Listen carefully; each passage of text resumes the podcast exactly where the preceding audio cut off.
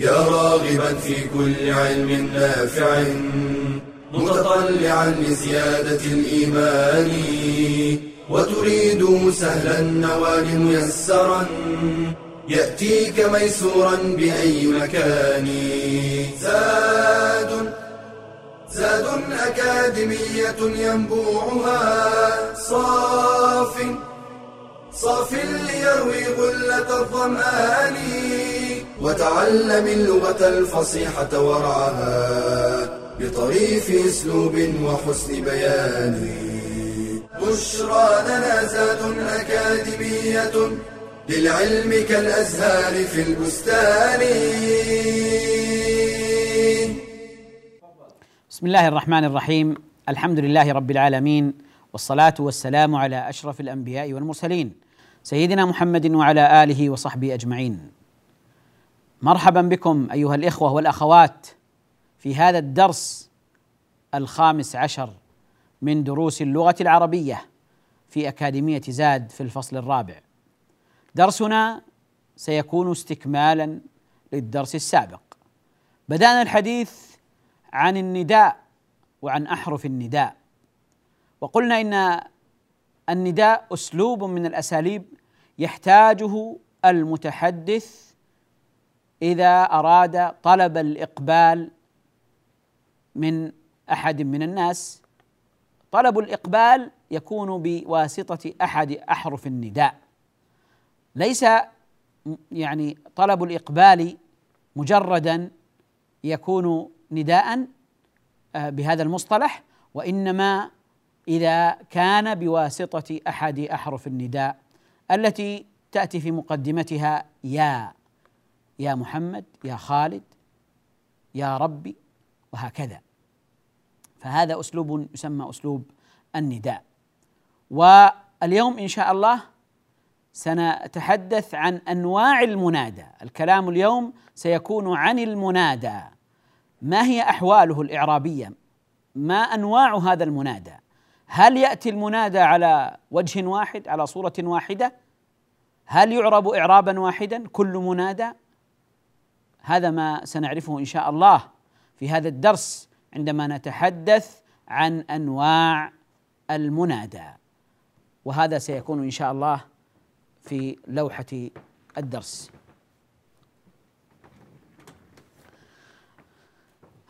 أنواع المنادى من حيث الإعراب.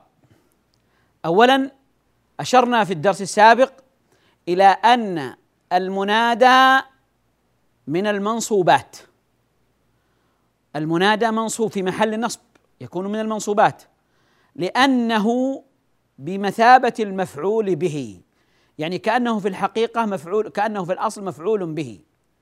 حينما أقول يا خالد فأنا أطلب إقبال خالد أدعوه كأنني أقول أدعو خالدا.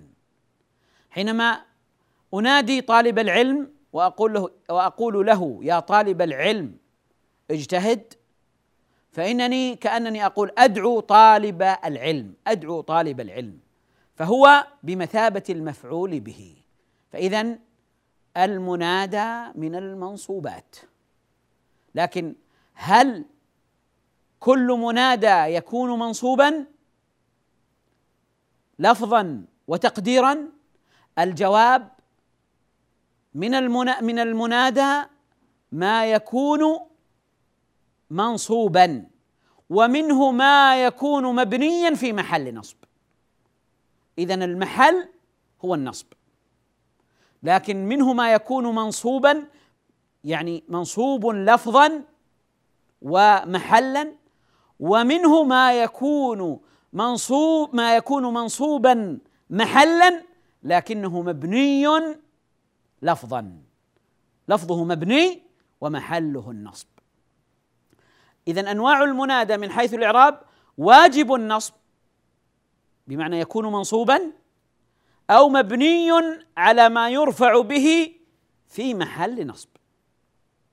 إذا إما أن يكون منصوبا معربا منصوبا وإما أن يكون مبنيا على ما يرفع به على الضمة مثلا في محل نصب.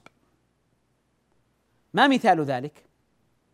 حينما أعرب المثال السابق يا طالب العلم اجتهد.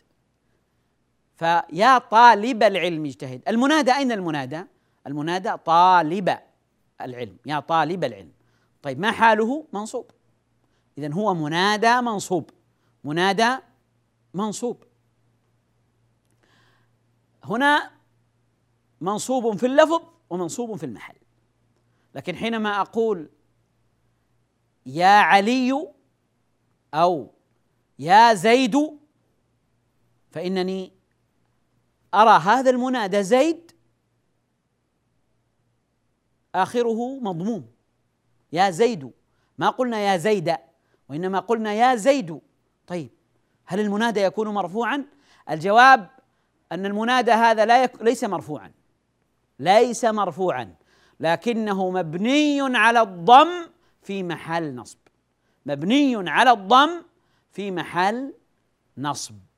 اذا المنادى إما أن يكون منصوبا لفظا ومحلا محله النصب ولفظه منصوب وإما أن يكون محله النصب لكنه مبني في اللفظ. مبني في اللفظ. فيتنبه لهذا. يتنبه لهذا. إما أن يكون منصوبا وإما أن يكون مبنيا في محل نصب. فاذا الخلاصة أن محل المنادى النصب. لكنه في اللفظ إما أن يكون منصوبا فيتوافق اللفظ مع المحل وإما أن يكون مبنيا في اللفظ ومحله النصب طيب هنا الحديث عن المنصوب الذي يكون منصوبا واجب النصب في اللفظ وفي المحل ثلاثة أنواع. المنادى المضاف. المنادى المضاف. والمنادى الشبيه بالمضاف.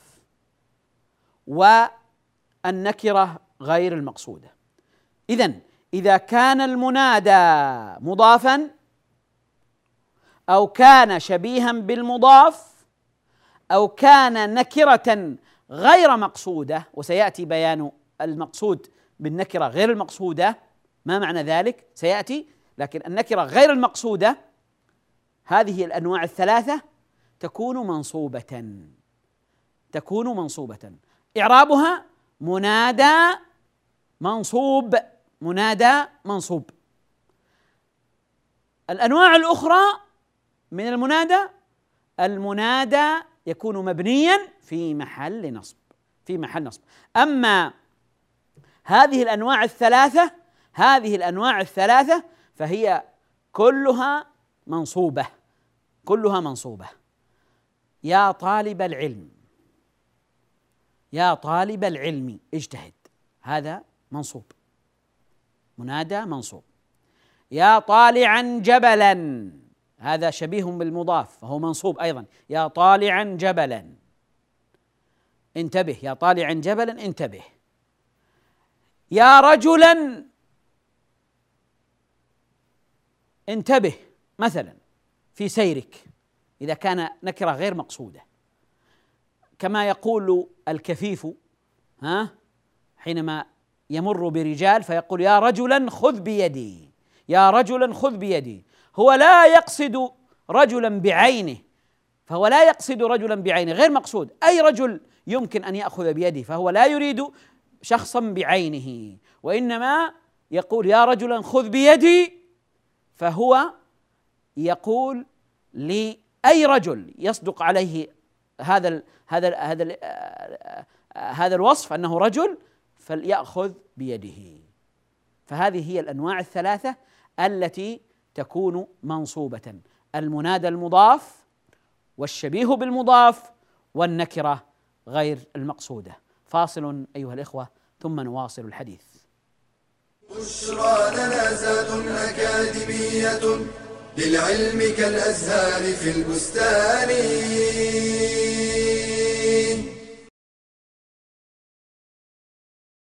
خلق الله الإنسان وجبله على العيش مع الجماعة والتعامل مع الآخرين فهو لا يستطيع العيش وحيدا مهما توفرت له سبل الراحة والرفاهية. لذا كانت الصحبة امرا ضروريا للغاية وقد جاء القرآن والسنة ببيان أهمية الصحبة ومدى خطورتها على الإنسان. ففي الحديث الرجل على دين خليله فلينظر أحدكم من يخالل. فالصاحب يؤثر في صاحبه ولا شك فإما أن يؤثر فيه خيرا فيذكره بالله ويأمره بالصالحات ويحثه على الطاعات فيكون من أسباب نجاته يوم القيامة وإما أن يؤثر فيه شرا فيأمره بالخبائث ويحثه على المفاسد ويصده عن ذكر الله تعالى فيكون سببا في ضياعه وهلاكه يوم القيامة. قال تعالى ويوم يعض الظالم على يديه يقول يا ليتني اتخذت مع الرسول سبيلا يا ويلتى ليتني لم أتخذ فلانا خليلا لقد أضلني عن الذكر بعد إذ جاءني. وكان الشيطان للإنسان خذولا. ومن أوضح الأمثلة المبينة لأثر الصحبة ما ضربه النبي صلى الله عليه وسلم مثلا لتأثير الجليس على جليسه. فقال عليه الصلاة والسلام إنما مثل الجليس الصالح والجليس السوء كحامل المسك ونافخ الكير. فحامل المسك إما أن يحذيك. وإما أن تبتاع منه وإما أن تجد منه ريحا طيبة. ونافخ الكير إما أن يحرق ثيابك وإما أن تجد ريحا خبيثة. فالعاقل يتخير الصالحين والأخيار لمجالستهم والقرب منهم ويبتعد كل البعد عن صحبة الذين يوردونه المهالك ويورثونه الندامة. في الدنيا والآخرة. الأخلاء يومئذ بعضهم لبعض عدو إلا المتقين. بشرى لنا زاد أكاديمية للعلم كالأزهار في البستان. بسم الله الرحمن الرحيم.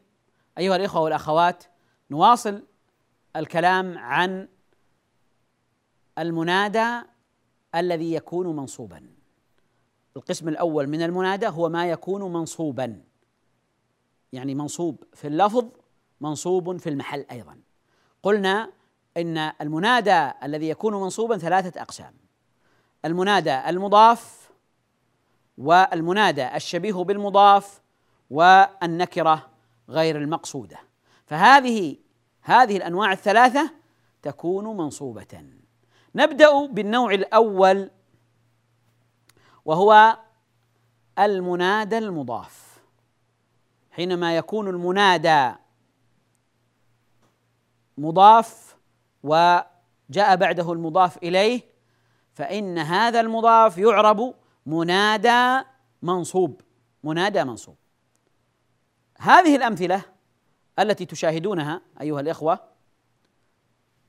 أيا أهل الدار استعدوا للصلاة. أين المنادى؟ أين المنادى؟ المنادى أهل وهو مضاف لأنه مضاف إلى الدار. أهل الدار أيا أهل الدار. اذا أهل هذا إعرابه منادى منادى منصوب. وعلامة نصبه الفتحة الظاهرة على آخره. وعلامة نصبه الفتحة الظاهرة على آخره. وهو مضاف الدار مضاف إليه. إذا لو أردنا أن نعرب هذا المثال نقول أيا حرف نداء وأهل منادى منصوب علامة نصبه الفتحة الظاهرة وهو مضاف والدار مضاف إليه. استعدوا للصلاة استعدوا فعل آمر مع الضمير في موضع الفاعل وهكذا. المثال الثاني هيا طلبة المدرسة اجتهدوا في الدراسة. هيا طلبة المدرسة اجتهدوا في الدراسة. هيا طلبة المدرسة أيضا هيا حرف نداء وطلبة منادى منصوب وعلامة نصبه الفتحة وهو مضاف والمدرسة مضاف إليه. أي طلبة العلم أخلصوا عملكم لله. أي طلبة العلم أي طلبة العلم. ما إعراب أي أي حرف نداء. ذكرنا هذا من حروف النداء فهو حرف نداء. وطلبة منادى منادى منصوب علامة نصبه الفتحة آه، وهو مضاف والعلم مضاف إليه. يا ذا الجلال يا ذا الجلال. يا حرف نداء. وذا منادى. منادى منصوب؟ نعم منصوب. ما علامة نصبه؟ منادى منصوب. لماذا هو منصوب؟ لأنه مضاف. منصوب لأنه مضاف. طيب. ما علامة نصبه؟ ذا. علامة نصبه الألف. الألف. لماذا؟ لأنه من الأسماء الخمسة التي ترفع بالواو وتنصب بالألف وتجر بالياء. أبو وأخو وحمو وفو آه، وذو. وذو وذو العلم وذو المال وما أشبه ذلك. بمعنى صاحب. ذو التي بمعنى صاحب. فيا ذا الجلال إذا يا حرف نداء وذا منادى منصوب وعلامة نصبه الألف لأنه مضاف. علامة نصبه الألف لأنه من الأسماء الخمسة وهو مضاف والجلال مضاف إليه. أحافظي القرآن أبشرا بخير كثير. أحافظي القرآن. أحافظي القرآن.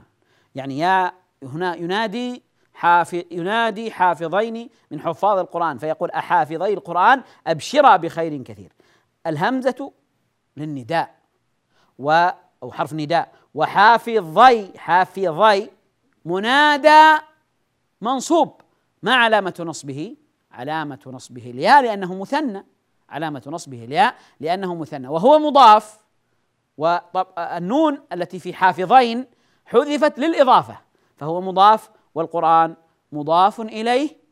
فيكون هذا من هذا النوع المنادى واجب النصب. فهو منصوب.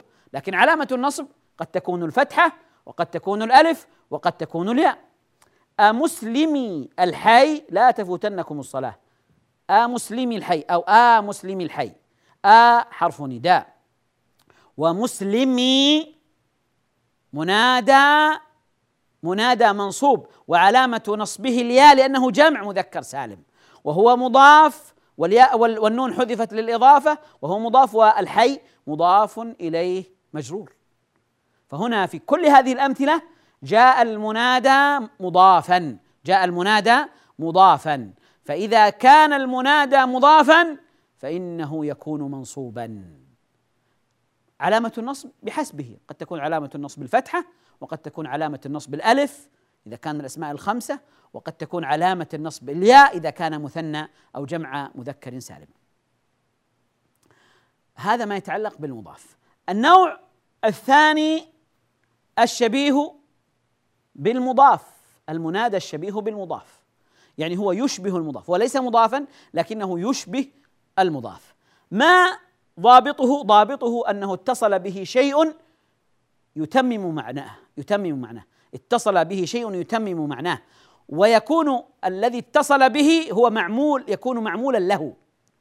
يا طالبا علما يا طالبا علما. يعني كأنني قلت يا طالب العلم يا طالبا علما. ونلاحظ أنه علما هنا منصوب والعامل فيه الذي نصبه هو طالب الذي هو اسم فاعل. اذا هنا هذا المنادى طالبا شبيه بالمضاف. شبيه بالمضاف لأنه اتصل به شيء مما يتمم معناه مما يتمم معناه ويكون أيضا هذا معمولا له. يا طالبا علما نافعا يا طالبا علما نافعا اجتهد مثلا اكمالا للجملة. فيا هنا حرف نداء وطالبا وطالبا منادى منصوب وعلامة نصبه الفتحة.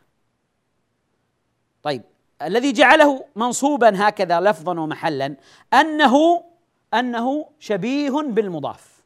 يشبه المضاف لأن المضاف والمضاف إليه كالشيء الواحد يتصل يتصل به كأنه منه فهكذا أيضا هذا اتصل به شيء يتمم معناه. يا واعظا غيرك. يا واعظا غيرك ابدأ بنفسك. يا واعظا غيرك. فهنا واعظا غيرك غيرك اتصل به وهو مما يتمم معناه وهو معمول له. واعظ اسم فاعل وهذا معمول له. يا قارئا كتابا انتفع به. يا قارئا كتابا انتفع به. فهنا قارئا منادى منصوب علامة نصب الفتحة لأنه شبيه بالمضاف. فهو منصوب لأنه شبيه بالمضاف فهو يشبه المضاف. كأنني قلت يا قارئ الكتاب يا قارئ الكتاب فقارئا كتابا. وفي كل الأمثلة نجد أن ما بعد الشبيه بالمضاف يكون معمولا لهذا المنادى يكون معمولا له. فقارئا اسم فاعل واعظا اسم فاعل طالبا اسم فاعل. ولذلك قالوا إن المنادى الشبيه بالمضاف يكون عادة يكون اسم فاعل أو اسم مفعول أو صيغة مبالغة.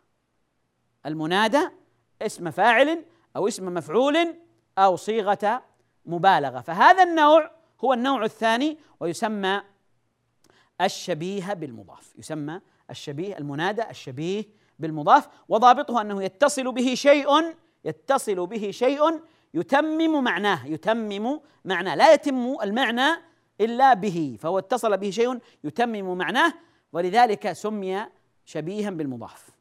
سمي شبيها بالمضاف ويكون اسم فاعل كما في طالبا واعظا قارئا وقد يكون اسم مفعول وقد يكون صيغة مبالغة.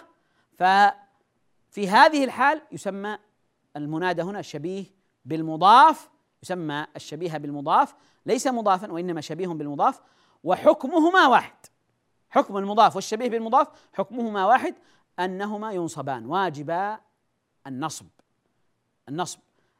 علامة النصب حسب اللفظ إذا كان مفردا يعني آه ليس مثنى ولا جمع فإنه يكون بالفتحة. إذا كان اسم من الأسماء الخمسة يكون بالألف.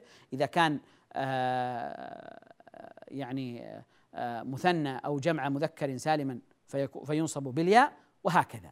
إذا خلاصة الكلام أن المضاف والشبيه بالمضاف ينصبان. إعرابهما منادى منصوب. منادى منصوب. الثالث النكرة النكرة غير المقصودة وهذا ما سنتحدث عنه إن شاء الله بعد الفاصل. بشرى لنا زاد أكاديمية للعلم كالأزهار في البستان.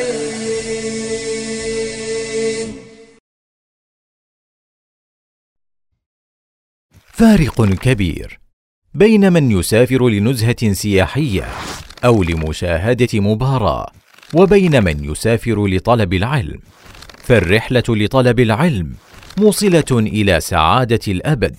قال النبي صلى الله عليه وسلم من سلك طريقا يلتمس فيه علما سهل الله له به طريقا إلى الجنة. وبالرحلة يلقى الطالب العلماء وينوع المشايخ ويقارن بين المناهج ويجدد نشاطه ويزيد خبراته.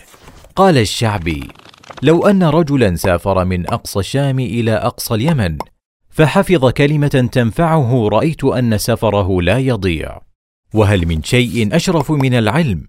يرحل في طلبه وقد رحل موسى عليه السلام في ذلك رحلة شاقة. وإذ قال موسى لفتاه لا أبرح حتى ابلغ مجمع البحرين أو أمضي حقبا. ورحل الصحابة والعلماء من بعدهم في طلب العلم المسافات حتى سافر بعضهم شهرا في طلب حديث واحد وقطع بعضهم في طلبه أكثر من خمسة آلاف كيلو سيرا على قدميه.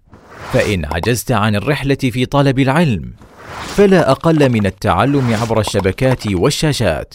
قال النبي صلى الله عليه وسلم سددوا وقاربوا والقصد القصد تبلغوا.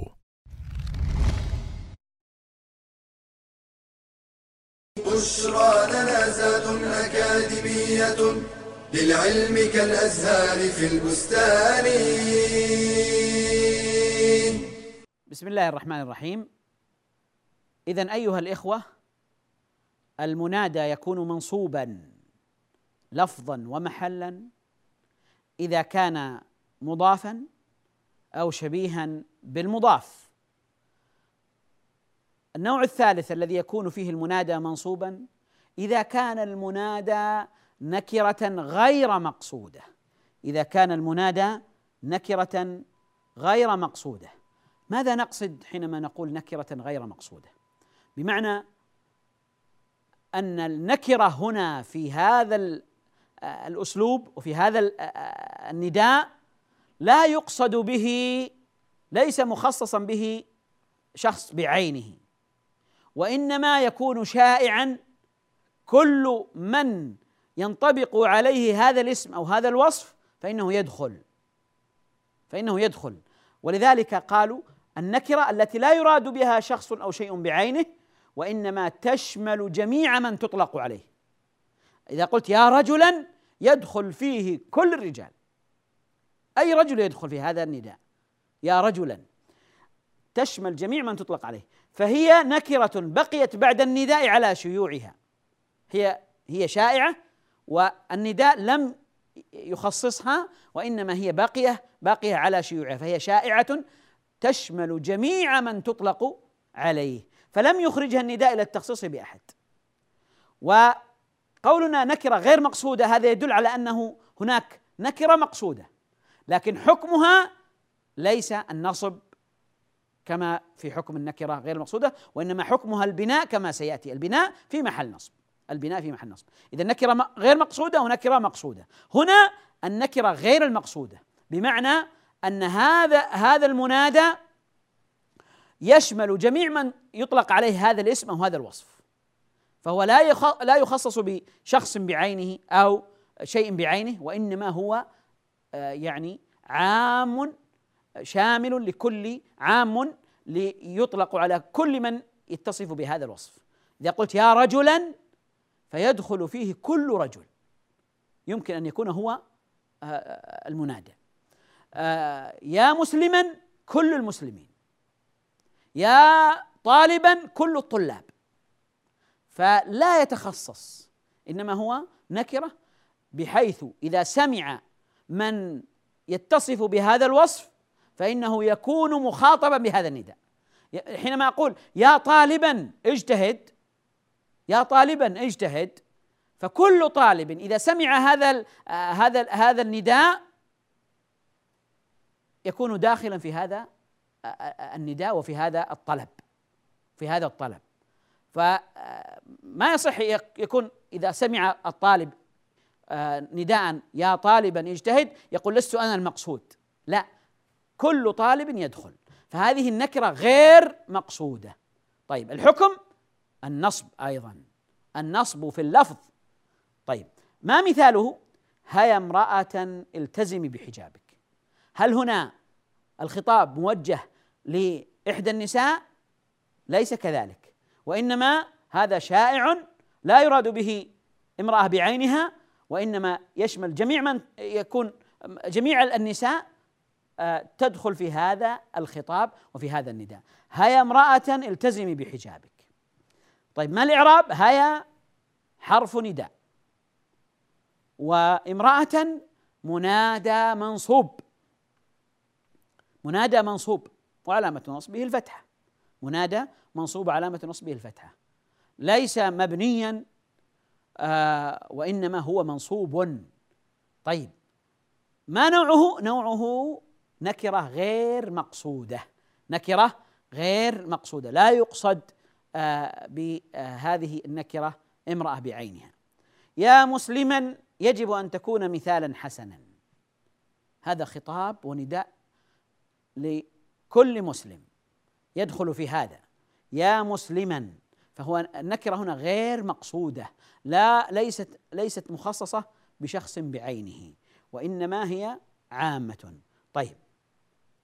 يا حرف نداء ومسلما منادى منصوب وعلامة نصبه الفتحة والجملة بعدها أيضا يكمل إعرابها يجب فعل مضارع إلى آخره.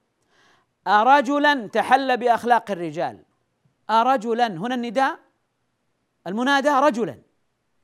ورجل هنا نكرة غير مقصودة. نكرة غير مقصودة. كل الرجال يدخلون في هذا النداء. فكأن فكأنه نداء لكل الرجال أن يتحلوا بأخلاق الرجال.